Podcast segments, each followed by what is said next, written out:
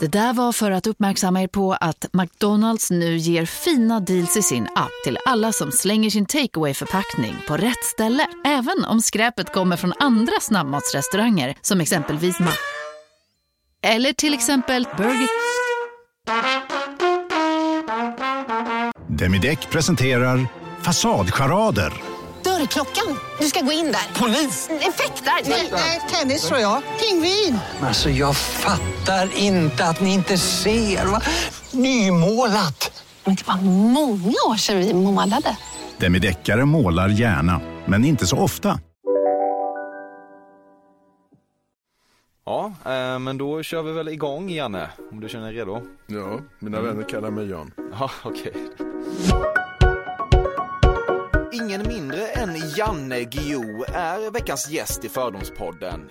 Podcasten där jag smetar ett brett lager fördomar på en känd person och griljerar. Detta sker då i samförstånd med Café och jag heter Emil Persson. Men eh, nog om det och mer om Guillou. Jan är i grunden journalist och hans stora break kom i samband med IB-affären på 70-talet. Då han eh, tillsammans med Peter Bratt avslöjade att det fanns en eh, hemlig underrättelsetjänst inom svenska försvaret. I eh, övrigt behövs det ingen kronologisk odyssé på Jan Guillou. Eh, alla vet att han har skrivit ett oändligt antal romansviter. Till de framgångsrikaste hör den om Carl Hamilton och den om korsriddaren Arn Magnusson. Den delvis självbiografiska romanen Ondskan och dess internatinferno kan och bör väl nämnas i sammanhanget också. Just nu är Jan Guillou mitt inne i romanserien Det stora århundradet och eh, alltjämt ständig kolumnist i Aftonbladet. Slutligen vill jag kort varna känsliga lyssnare för starkt uttal av ordet och kötten prostata. Du sover med ett vapen på en armlängds avstånd.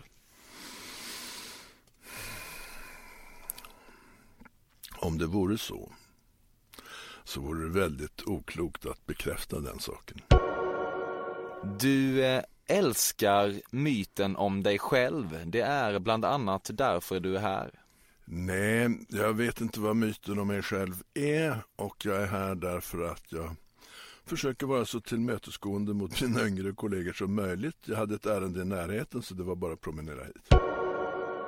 Detta är ditt första podcastframträdande någonsin.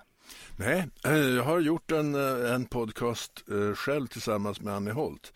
Jag tror att i alla fall att det var podcast. Alltså att man sitter och pratar och sen så är det inte radio utan dator.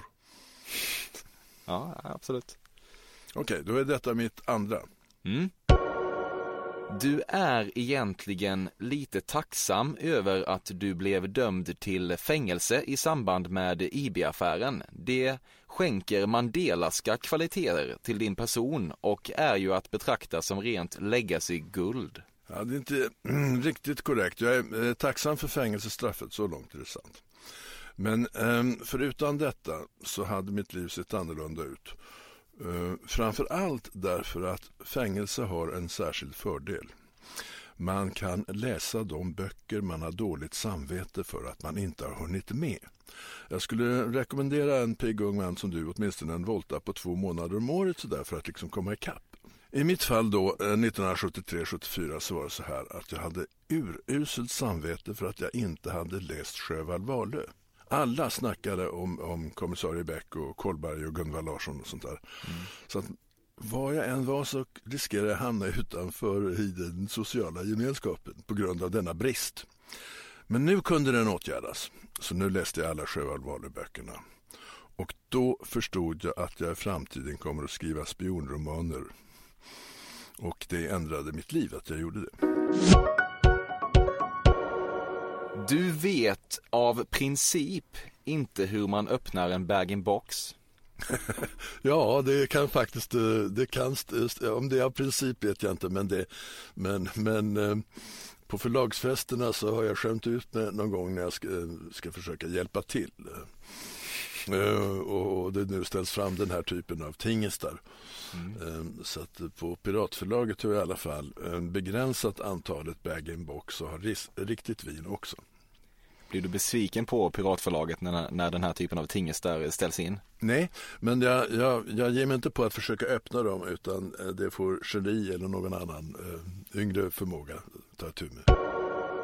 När du fick höra att eh, den här huvudrollsinnehavaren i filmen Ondskan, vars namn just nu undflyr dig, driver något som kallas för en juicebar, så blev du lite beklämd och eh, tänkte jag trodde att jag gav den här killen en karriär. Ja, alltså han gjorde ju en väldigt bra eh, roll. Eh, och filmen eh, fick ju ett strålande mottagande och blev Oscarsnominerad. Och eh, det hade den ju inte blivit om eh, huvudrollsinnehavaren hade varit dålig. Så visst trodde jag att det där var början på en karriär. Och varför det inte blev så har jag ingen aning om. Du har drinkvagn hemma. nej, nej, det är drinkvagn igen. Eh, antingen till en 50-talsföreteelse eller också sånt som eh, nyrika typer av idag skulle hålla sig med. Alltså eh, Leif GW Perssons direktörskompisar, sådana och den typen av människor gör jag mitt bästa för att inte på något sätt likna. Du har haft sex i Östberlin. Mm. Ja, är det? Nej, men det är Västberlin. Du har haft sex på Västbanken. Nej, ser du, det har jag inte. Eh, jo, det är klart, eh, med medtagen svensk kvinna, men det är en annan sak. Man associerar ju till att ha sex i arabvärlden och det har jag aldrig haft. Du drar dig, som så många män i din generation, för att gå till sjukhuset. Nej, det har jag slutat med för 15 år sedan och hör och häpna, det är faktiskt Bert Karlssons förtjänst. Ja, det vill vi höra och Ja, alltså det, det, en icke berättad historia som är ganska kul det är något sånt där, kändisar ska svara på frågor, bla bla någonting va. Och pengar till välgörande ändamål hit eller dit. Så att på eh, vilken tv-station det nu var, antagligen fyran, så kommer man in då i ett sånt där väntrum där eh, kändisar sitter och Bert Karlsson är en av dem. Och då säger han Hörru Gio, eh, du börjar ju komma i min ålder nu. Du har väl undersökt prostatan? Eh, va? Så, nej, det har jag inte gjort. Ja, men det, det, det är klart man måste göra det. Eh, du är fan inte klok. Eh, du, du, Bert, sluta snacka om det här så lovar jag att göra det eh, imorgon. Ja, men det, nej, nej, Bert, sluta tjafsa om min prostata. Och eh, så gjorde han det och då hade jag avgett ett löfte och sen dess har jag gått på regelbunden läkarkontroll. Bert Karlsson själv har ingen aning om denna insats i livet som han har gjort eh, för eh, mitt, mitt hälsotillstånd. Du lyssnar enbart på klassisk musik och allra helst maler. Nej, inte maler. Jag har lite svårt för malare. Det...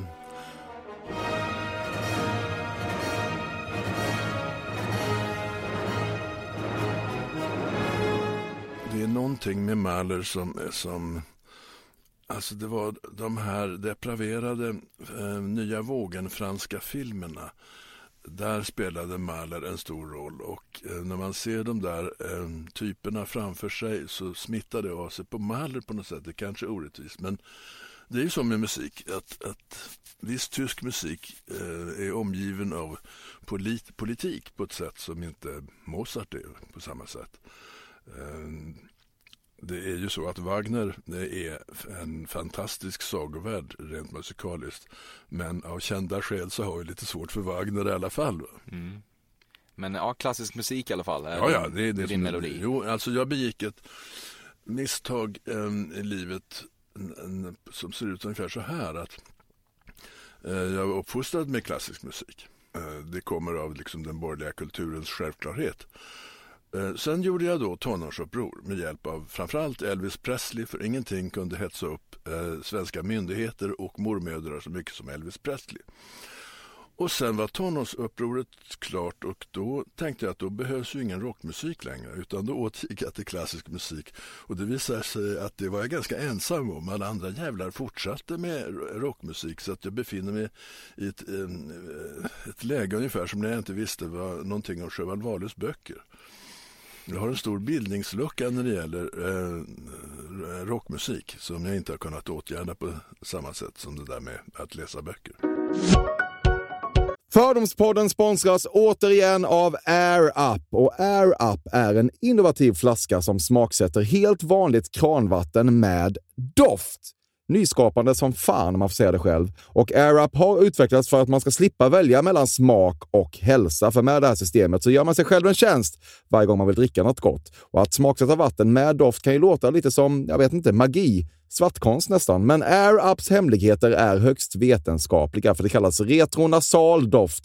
Eller med ett enklare ord att uppleva smak med näsan. Ja men exakt, och eh, alltså AirUp är ju en gammal kär vän till mig.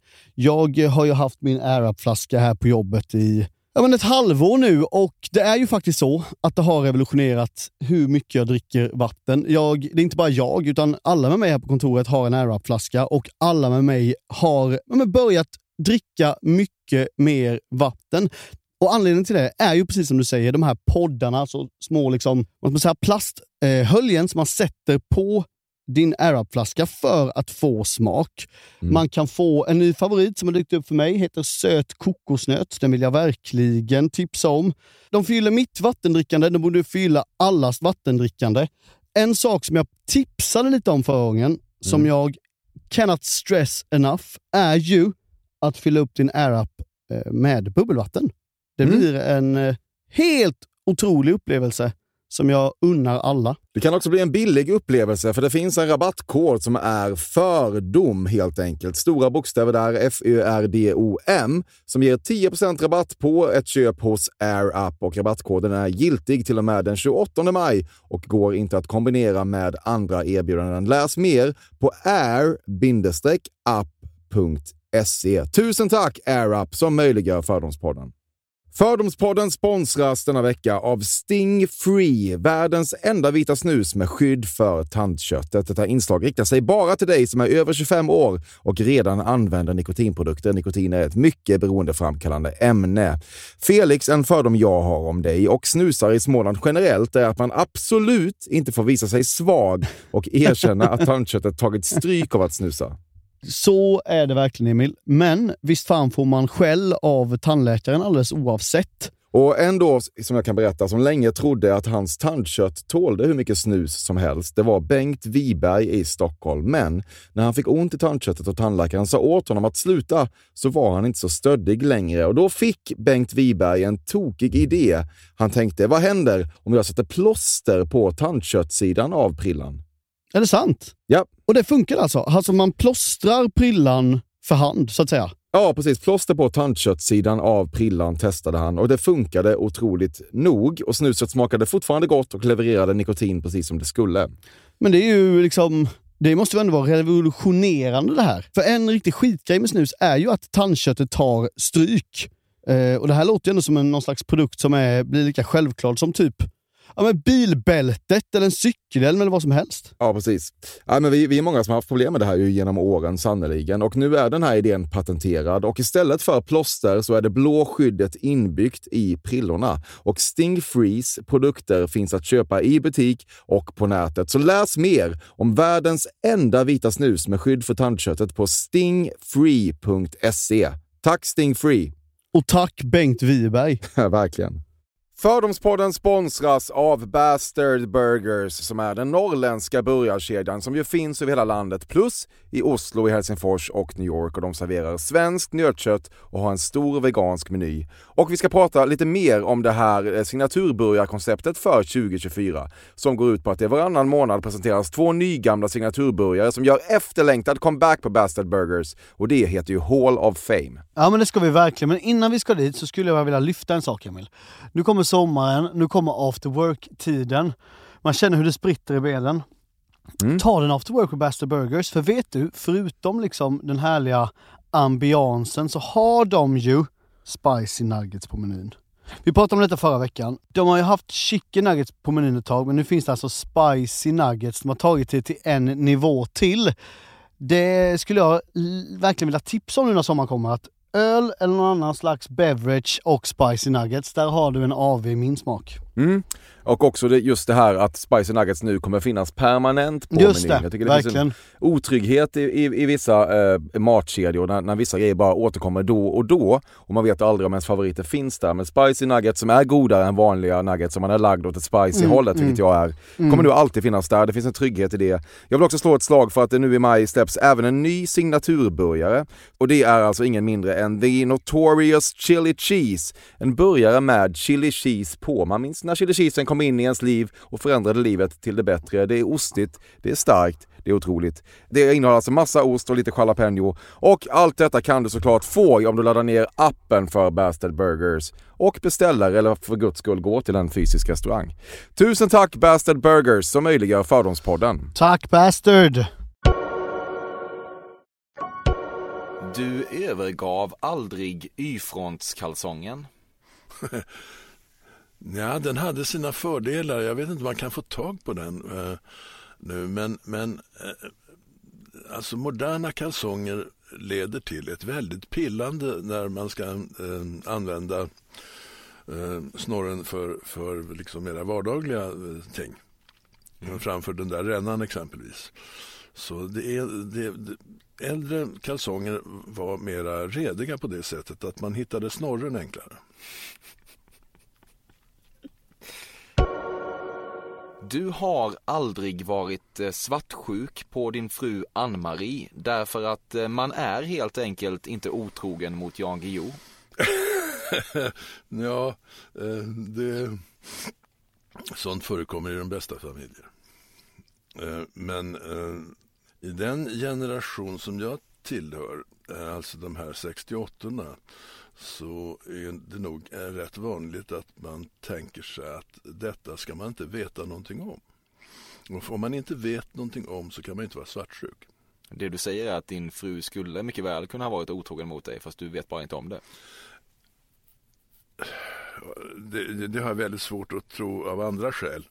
Eh, inte att eh, hon skulle vara så imponerad av mig utan det har mer med borgerlig bakgrund och sånt där ja. Men eh, huvudprincipen är eh, att man ska inte veta om sånt. Du har lämnat femsiffrig dricks minst en gång. Fem siffror. Det är ju, det är ju 100 000. Nej, det, det är 10 000. Tio. Ja, det har jag gjort.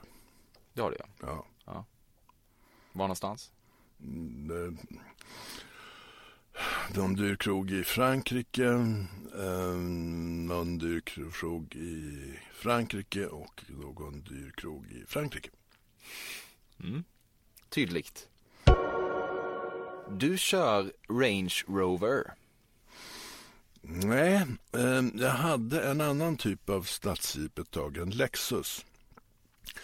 Eh, efter två väldigt hårda eh, eh, snövintrar ute på landet där jag bor mestadels. Men det är ju lite larvigt med de här stadsjeeparna när man är i stan. Och på Östermalm så måste man, om man har en Lexus, titta på nummerskylten först så att man stiger in i rätt bil eller försöker ta sig in i rätt bil. Och det där blev mer och mer skämmigt så att eh, jag avslutade efter något år eh, min tillvaro i stadsjeep. Du har jagat med eh, den här Zlatan. Nej. Eh, och det eh, är ingenting som jag åstundar heller måste jag säga. Det, han eh, ger inte intryck eh, på mig av att vara en genuint naturintresserad jägare. Hur kommer det sig? Eh, han, är, han är sån där som kör Ferrari Enzo. Och den som kör en Ferrari Enzo kan aldrig vara en bra jägare. Opålitlig i skogen. Gillar du Zlatan annars? På, ehm, så fort eh, han spelar fotboll eh, vanligtvis ja, så fort han öppnar käften vanligtvis nej. Varför då? Nej, alltså att han, ehm, han, eh, har, han driver sitt storhetsvansinne för långt och han sätter sån skräck i journalistkåren att ingen vågar kritisera honom för att blir man avskuren från Zlatan och sportjournalist så har man ett yrkesmässigt minus och det utnyttjar han ju eh, stenhårt. Du har sluppit fortkörningsböter för att du är Jan Guillou. Ja, det har hänt och det har också hänt att jag har åkt dit extra hårt eh, för att jag är den jag är. Så att det där jämnar nog ut sig. I vilket sammanhang har det hänt? Det var några poliser i Jönköpingstrakten som eh, tog fast mig av misstag. De trodde att jag var någon biltjuv och sen när det där redde ut sig så plussade de då på ehm, eh, hastigheten. Och då eh, bestred jag det i domstol och, och då plussade de på ännu mer och blev trodda. Eh, så det, det, är väl det värsta negativa jag har varit med om när det gäller fortkörning. Däremot så eh, kunde jag länge klara mig, snacka mig loss både i USA och i Frankrike från eh, fortkörningsböter. Då ser situationen ut så här. Blink, blink, blink bakifrån kommer en, en bil. Om vi nu är i USA så ska man vara extremt artig mot denna eh, eh snut, kalla honom officer och säga god mm. afton och trevligt. Och så räcker man fram sitt pass så framgår att man är utlänning och så konverserar man om det och redan nu har polisen liksom mycket papper konstigt att fylla i så han vill gärna släppa mig. Så frågar han varför jag körde för fort och då säger jag ja, alltså jag har ju gjort det ofta i jobbet som du kanske förstår. Tänk nu att jag sa inte att jag var polis. Mm. Utan hans fördomar om mig och mitt utseende. Om man inte vet vem jag är så tror man inte att det här är en eh, vänsterintellektuell författare eller något sånt. Utan man tänker snut. Och det tänker han. Och så säger han, eh, Sir, eh, ha en trevlig fortsatt kväll. Men åk inte fast för mina kollegor där borta eh, bakom nästa rondell. Tack. Så ja. gör han honör. Det är det amerikanska sättet att komma loss. Mm. Det franska är det rakt motsatta. Blink, blink, blink och så stannar man så kommer det fram en snut. Och så säger man Ja, ja, ja, håll käften, jag är trött på att snacka, snacka skit med snutar. Uh, va? Uh, monsieur, det tilltalet använder man verkligen inte. Du, uh, det finns två kategorier som säger snutar och de andra är, det är buset. Jaha, alltså jag har inte sagt att jag är polis, eller hur? Nej. Du antyder bara det. Ja, mm. och då gör han omedelbart honnör och säger Min herre, jag hoppas nu har ett bättre humör nästa gång vi ses. Och sen varsågod och åk. Ja, lifehacks kan vi kalla det. Mm. Mm. Du skulle kunna få fram ett viktigt meddelande till Vladimir Putin på mellan tre och fem arbetsdagar. Ja, det skulle nog gå. Det skulle nog gå. Lättare än till Trump. Om du har en smartphone så har du inte fri surf. Jag använder inte sådana där mobiltelefoner Nej. överhuvudtaget. Har du en? Eh... Jag har en och den kan ibland när jaktradio och sånt inte funkar eh, vara bra att ha i jaktsammanhang. Men jag går inte omkring på stan med en, med en telefon på mig. Nej, det gör du inte. Nej. Jag ser en fascinerad lyster i dina, i dina ögon här. Du tror inte det här är möjligt. Men låt mig säga så här. Um, jag, jag, tror det är möjligt. Det ja, du, du vill ha tag på mig och det var inga problem med det. Om du verkligen vill ha tag på mig så får du ju tag på mig. Mm. Och nu sitter vi här till följd av, av denna insats. Det behövdes ingen te telefon för den sakens skull. Om jag hade en sån där telefon skulle den ju ringa hela tiden. Du tycker att eh, Jonathan Franzen är något slags kvasitänkare och det är inget snack om att han har en bra bit upp till din nivå. Nej, jag har läst för lite av honom för att kunna göra den typen av bedömning. Jag är ju snar, är snarare en amerikansk författare till min typ än en svensk.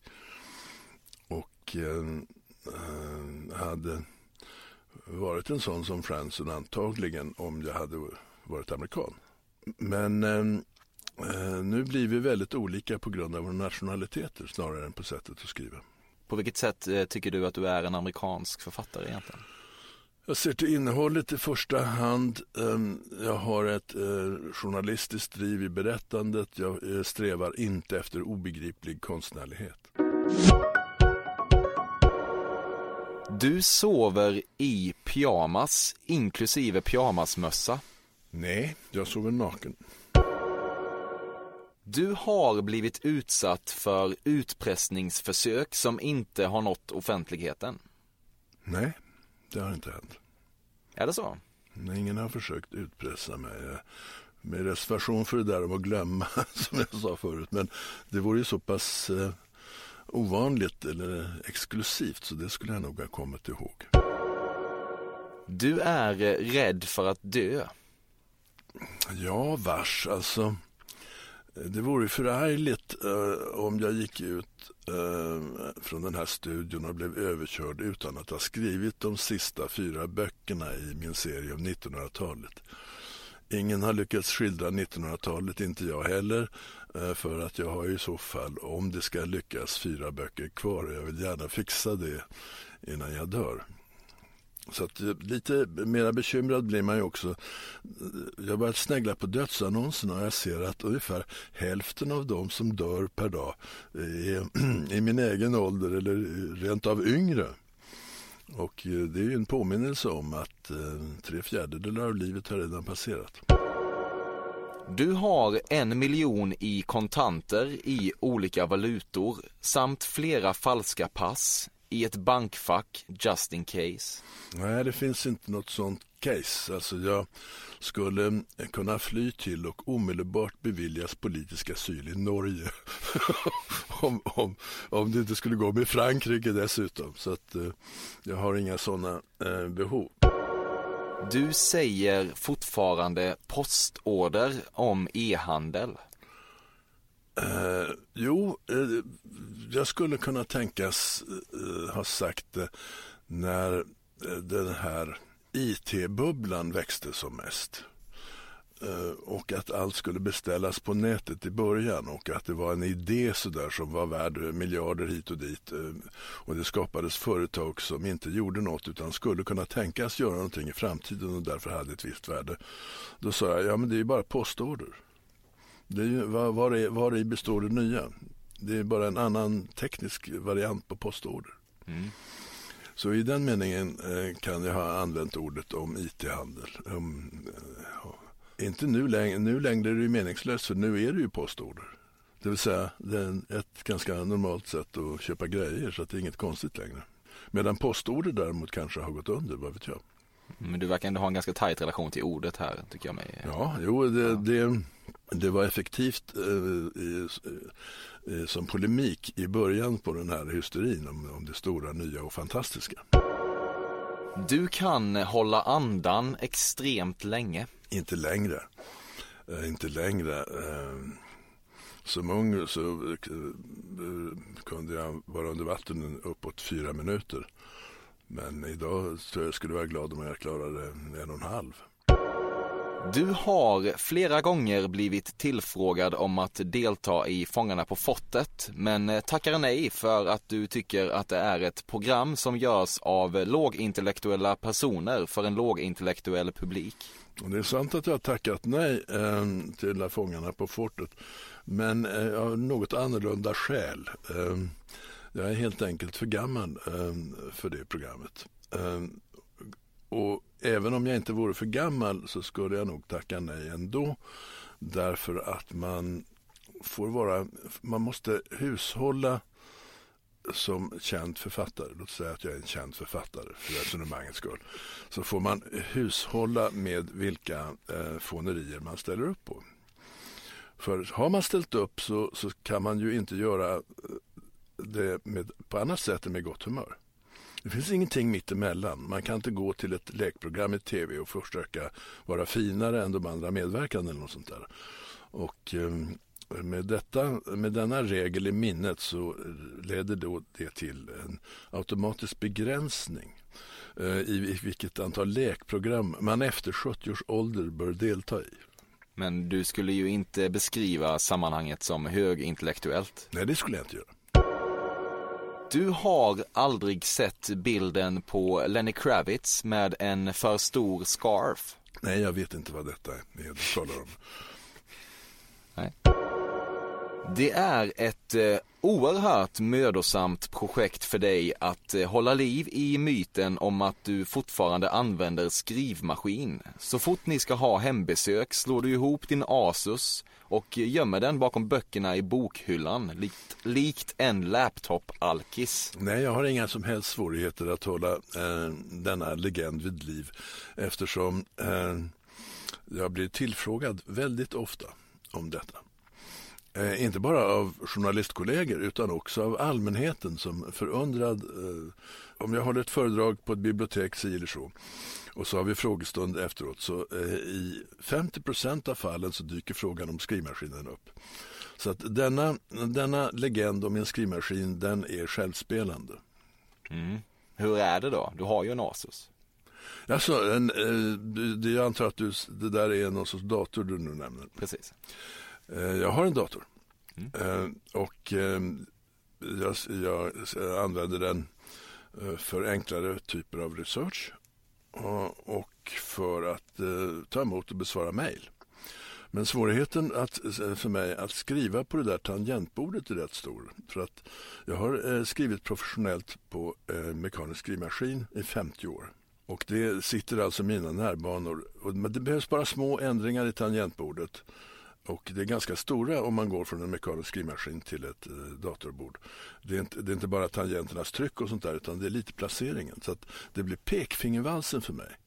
Så att jag skriver ett mejl på en dator på ungefär tre gånger så lång tid som det skulle ha tagit mig att skriva den texten på skrivmaskin. Så jag kommer att dö ut med min skrivmaskin.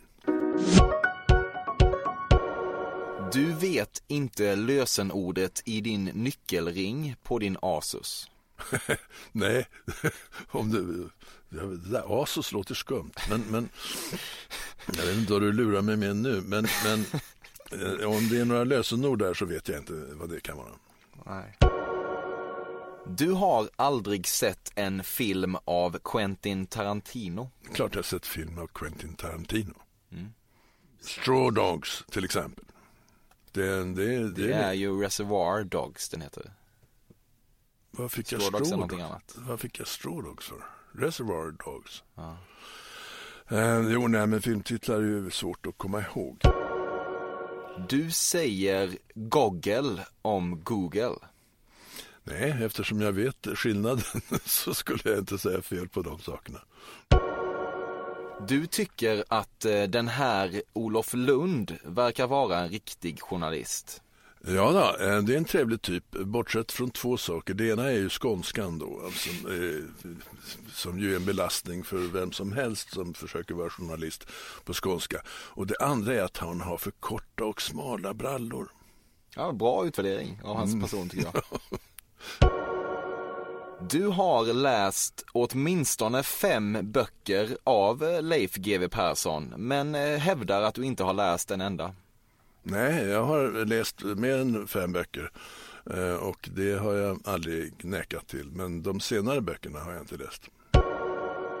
Du kommer att eh, säga jo, min fru nu men egentligen tycker du att det inte finns någon som är intelligentare än vad du är i Sverige? Det finns massor av personer som, som är intelligentare. Eh, det, eh, världen vimlar av intelligenta människor men alltså det är som hästkrafter i en bil. Eh, frågan är hur man kan använda, hur man kan köra den bilen. Eh, det finns intelligenta människor som är hopplösa med att, eh, att använda den eh, kapacitet de har fått. Och det finns personer som, som är väldigt skickliga på att använda den lilla kapacitet de har fått och tar sig fram bra på det sättet. Så att intelligensen är nog eh, som sådan, alltså den där mekaniska, den där siffran man får om man fyller i vissa test, är en väldigt övervärderad kvalitet. Var skulle du sortera in Olof Lund bland de två kategorierna? Ja, han, han eh, ligger över genomsnittet skulle jag tro. Som, som många eh, framgångsrika människor i i framförallt intellektuella yrken och det får vi väl ändå betrakta sportjournalistiken som så eh, kan man nog utgå från att de ligger över genomsnittet. Du har ätit zebra. Ja då.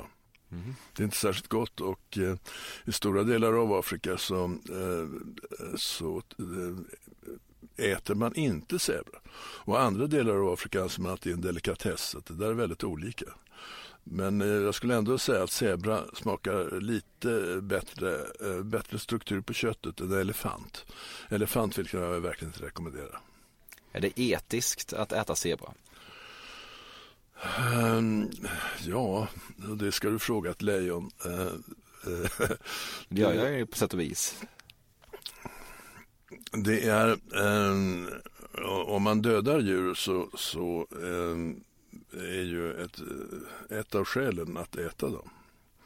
Men att döda ätliga djur utan att de blir ätna, ehm, det är inte etiskt.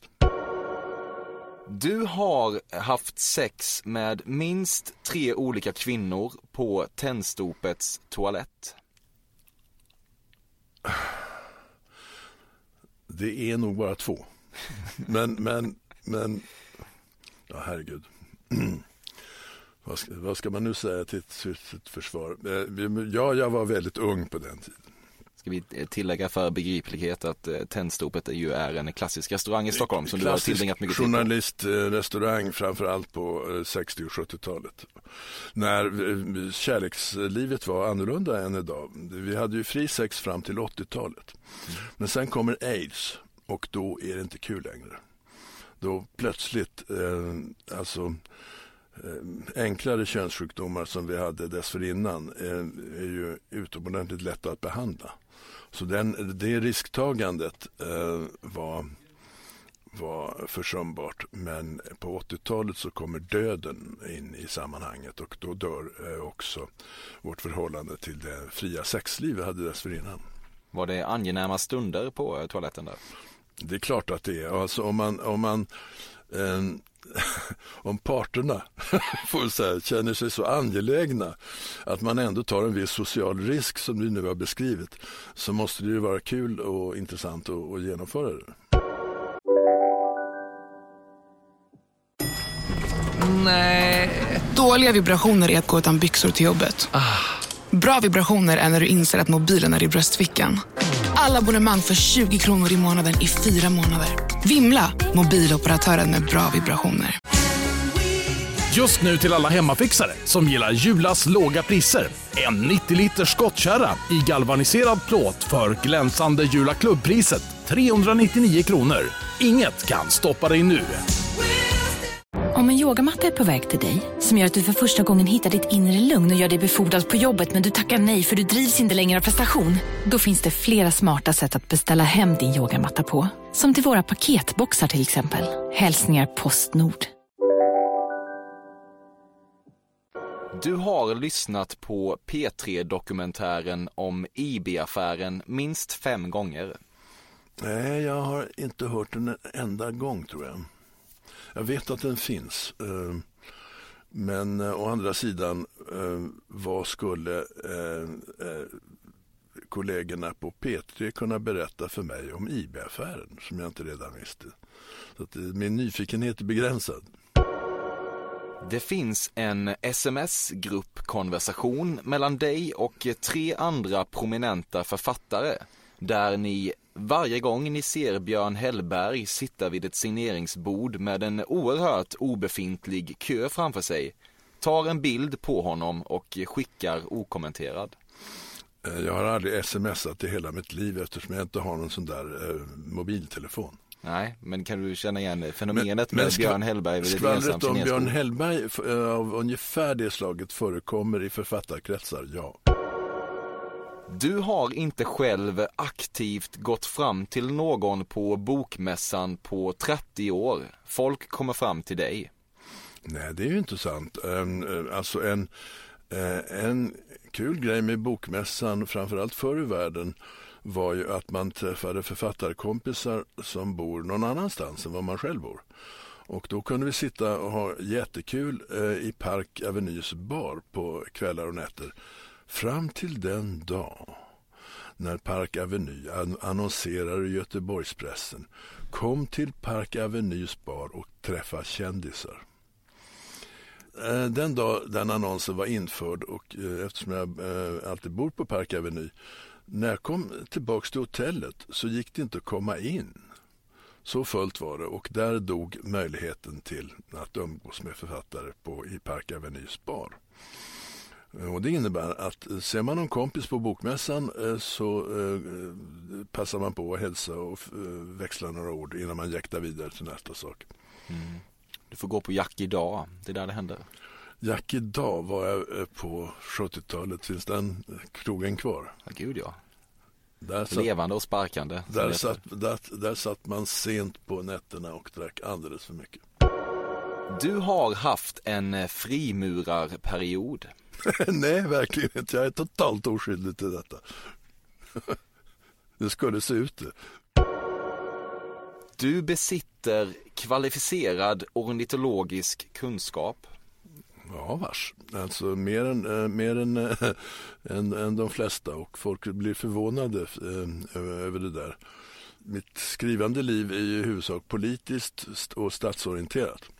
En gång eh, satt vi på Folket i Bild Kulturfronts redaktion och sa vi har, det är, för mig, det är ingen som kan skriva något om natur. Så här. Eh, pilgrimsfalken är hotad, är det någon som vet något om sånt? Ja, så jag, jag kan ta det jobbet. Och när jag kommer ut och träffar ornitologerna, eh, och så, de vet ju, känner förstås till mig. Ja. Och så säger de, bra, du har gummistövlar, du tänkte på det, bra grej alltså. Och sen börjar de undervisa mig. I, i, där, ungefär, där sitter en talgoxe. Den sjunger i normalt inte så här års. Eh, och det är lite lustigt att just det där individen gör det. Och sen medan vi nu är på väg för att titta efter pilgrimsfalkar så ger de en, en basal undervisning i hur den svenska naturen eh, fungerar övertygade om att jag som statsmänniska och politisk varelse naturligtvis inte har en aning om allt detta. Mm. Och det blir roligare och roligare och eh, så står vi där och tittar ut över sjön. Och så säger jag, där borta kommer pilgrimsfalken och det är honan. Då lyfter de upp kikarna och konstaterar att det är sant. Och sen tittar de förvånat på mig men säger ingenting. Och eh, att jag kunde säga att det var honan är mycket enkelt på ett sätt. Den är betydligt större än, än hanen. Så, det borde de ha insett. Eh, och sen så droppar jag lite kunskaper då och då så fort de försöker uh, undervisa mig om något. Och de är fortfarande fast i bilden alltså att detta är ju en politisk rörelse. Han kan inte kunna någonting om natur. Så de frågar eh, till slut när vi ska skiljas efter ett halvt dygn av fågelstudier och sånt där. Hur, hur fasiken har du lärt dig allt det här? Då tittar jag kallt på dem och säger en bra reporter måste göra research innan man går ut på ett jobb. Och jag tror att de trodde på det. Du har vad man skulle kunna kalla för en söttand. Det vill säga att du är svag för sötsaker i allmänhet och napoleonbakelser i synnerhet. Sant, men inte när det gäller napoleonbakelser. Den enda artist som kommit fram de senaste tio åren och som du hört talas om är den här Lady Gaga. Jag har hört talas om Lady Gaga. Eh, eh, jag skulle säga Gaga, men eh, hon kan det tror jag inte du ska göra. Var, varifrån kommer hon? Ja, hon är väl amerikan. Okej, okay, då är det Gaga. Mm. Jag trodde det lät så franskt, men okej. Okay. Um, ja, nej, jag känner till Lady Gaga. Det gör jag. Mm. Några andra artister som kommit fram de senaste tio åren? Beyoncé, eller Beyoncé. Du har en moraliskt tveksam fondportfölj. Pengar förökar sig helt enkelt inte etiskt. Jag äger inga aktier överhuvudtaget i börsnoterade företag. Vad fan gör du med dina pengar då? Jag har pengarna på banken. Mm. Är det klokt? Um, ja, det är det. Um, därför att um, skulle jag börja förvalta pengar så skulle det ta för mycket tid från det arbete som gör att jag tjänar pengar. Så att det är en ren affär att inte bry sig om eh, att förvalta pengar och istället lägga krutet på att skriva nya böcker. Där pengarna kommer in. Det går ju att eh, delegera sånt där. Du menar att jag skulle anställa några löddriga civilekonomer eh, till att förvalta mina pengar? Ehm, då kommer vi in på det sociala problem som skulle uppstå i samband med det. Hur en, äh, din gamla kommunistjävel kan du motivera det där? Och det skulle inte vara så lätt att äh, motivera. Eh, annat än om jag då eh, ansträngde mig till att eh, se till att åtminstone 50 procent av förvaltningens vinst skulle gå till Palestinainsamlingen eller någonting sånt där. Och det är att gå över ån efter vatten. Min välgörenhet sköter jag ändå. En gång på 60-talet var du intim med en man och du vet ärligt talat inte riktigt hur du ska förhålla dig till det idag.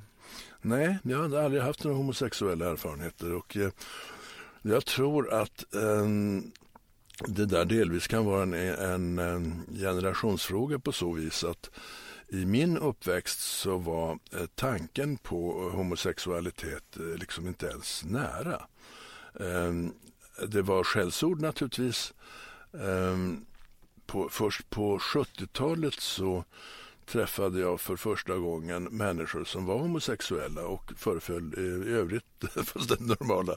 Men, men eh, det var en, ett eh, tabubelagt område under hela min uppväxt och då, då tror jag att man eh, blir väldigt eh, fastvuxen i den inställningen så att man inte ens kan tänka tanken att man skulle vilja experimentera en gång. Eh, hade jag varit 50 år yngre eh, så, och vuxit upp i ett helt annat klimat så vet man inte vad som skulle ha hänt. Nej. Har du känt dig eh, dragen till en annan man? Nej, eh, av de här skälen som jag just ja. nämnde. Att det är tabu för um, alla som är födda på 40, 50 och kanske 60-talet och sen ändras det, skulle jag tro. De som är födda på 70-talet har en annan eh, världsbild och en annan känslomässig eh, bild av omgivningen än vi som är äldre. När eh, Fox köpte rättigheterna till eh, GVs bokserie om Bäckström, eller Backstrom som det blev där borta, lämnade du inte huset på en vecka. Men när första säsongen senare bombade Like You Wouldn't Believe så bjöd du in till en fest som pågick lika länge. Eh, nej, ett sånt starkt förhållande till eh, Leif GW Perssons alter ego Bäckström eh, har jag aldrig haft. Eh, men det förundrade mig att det skulle kunna bli en amerikansk serie. Därför att allt som Bäckström säger och tänker är ju sånt som bara blir eh, beep eh, på amerikansk eh, film. Så att han skulle säga, nu beep ska jag beep för att annars bip, eh, så, så måste vi göra beep och den där jävla beep ska inte komma hit och beep. Alltså, eh, det, det, skulle inte gå så att det, det, var väldigt konstig tanke att Bäckström skulle bli, eh, förekomma amerikansk underhållning med, det, med den världsbilden och det i USA förbjudna språkbruket. Mm. Men du har inte sett eh, någonting alls av eh, tv-serien? Nej. Varför inte? Nej men alltså det kan ju inte vara Bäckström, eh, det säger sig självt. Ja. Utan då är det en amerikansk ehm, eh, polisserie som det ändå finns alldeles för många av. Beepström då? Ja, Beepström skulle det snarare bli. Starkt. Du har hund. Nej. Nej. Din eh, favorit Hamilton-skådis är eh, Stefan Sauk, men det fanns en period då du var helt övertygad om att du själv skulle göra rollen mest rättvisa. Nej, det, jag är inte skådespelare. Jag ska aldrig föreställt mig något sånt. Eh, jag tror att eh, samtliga eh, manliga skådespelare i Sverige skulle göra rollen som, som Hamilton bättre än vad jag skulle göra den. Du har aldrig ätit tacos. Jo, varför skulle jag inte ha gjort det? Det känns inte som att det skulle vara värdigt dig. Nej, men vadå? Det är ju vanligt eh, mexikanskt, amerikanskt eh, eh, snabbkäk. Det, det, det, är, det, det är sånt äter man ibland. Ja. Vad, vad har du på? Uh, ja, alltså jag föredrar nog de uh, mildare avokadosmetarna snarare än de där allra starkaste. Guacamole? Mm, till exempel. Du har sytt utan bedövning. Ja, det, det har väl alla. Berätta mer. Ja. Eh, på den tiden som fysiskt våld var vanligt eh, i skolor på, eh, bland unga människor så eh, uppstod ju då och då behovet av att sy. Om det var små saker så sa man bara åt läkaren att nej, fan den där sprutan. Sy på. Den enda shot som existerar för dig är ren vodka. Jo, men då skulle jag kalla det snaps. En shot har jag aldrig druckit i hela mitt liv. Nej, okej. Okay. Men eh, ren vodka ändå? Det, ren vodka är ju, tycker jag, den bästa snapsen till eh, i de sammanhang eh, där våra, eh, vår, våra kul, särskilt kulturella, kulturella seder kräver sådana drycker. Eh, det vill säga jul och midsommar i huvudsak. Då eh, är vodka den, tycker jag, den bästa snapsen.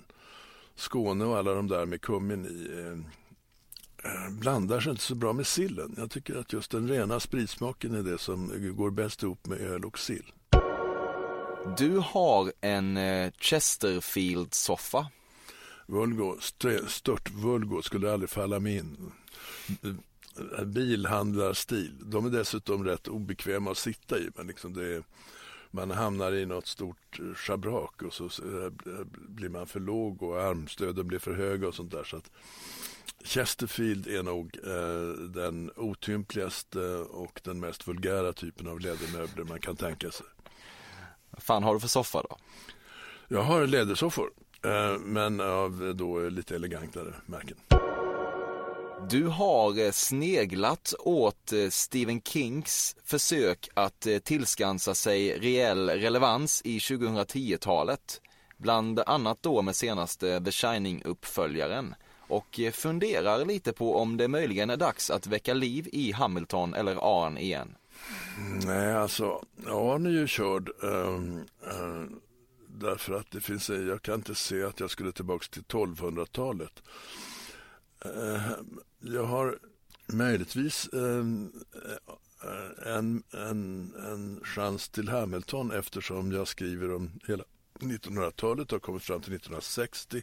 Snart närmar sig 80-talet som var Hamiltons tid och kanske man skulle kunna göra någon, någon liten eh, parodisk återkomst ja, av det skälet.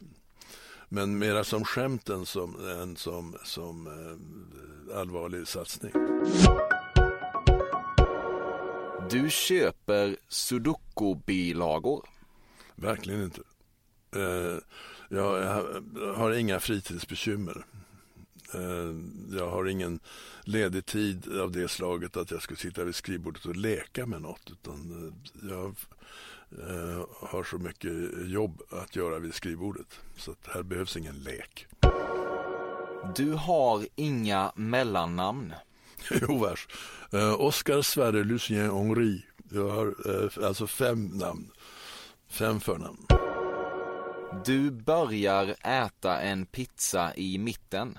Nej, det förefaller mig lite lätt vulgo.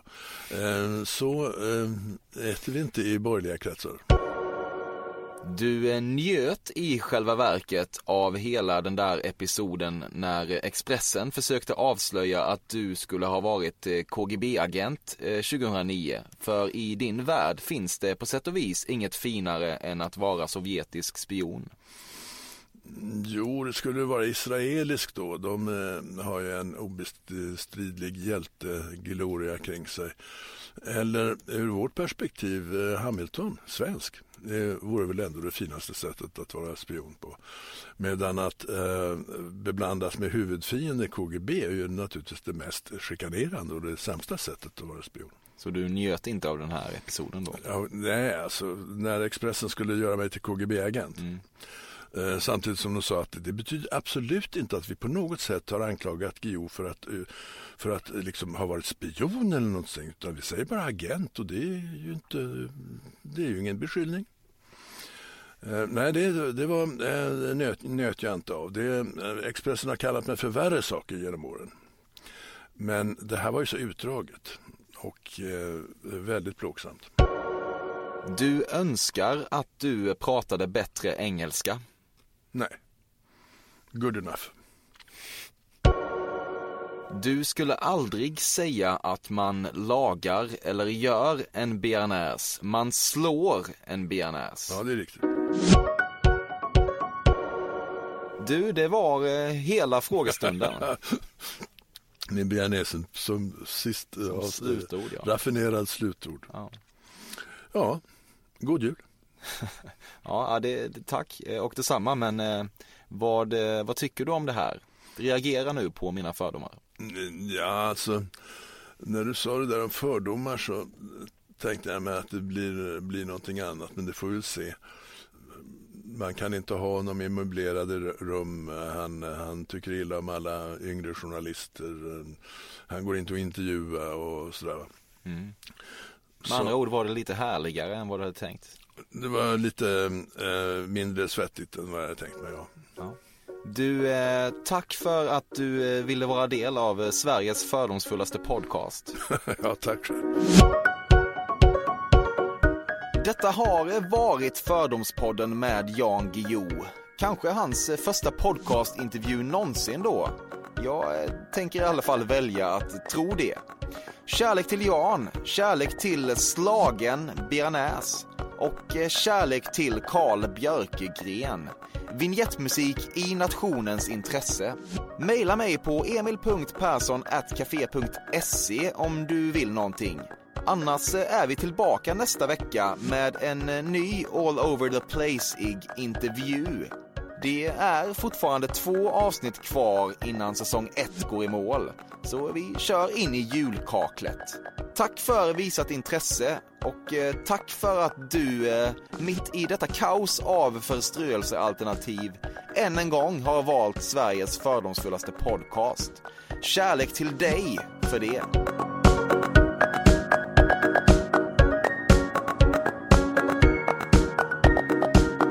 Beyoncé.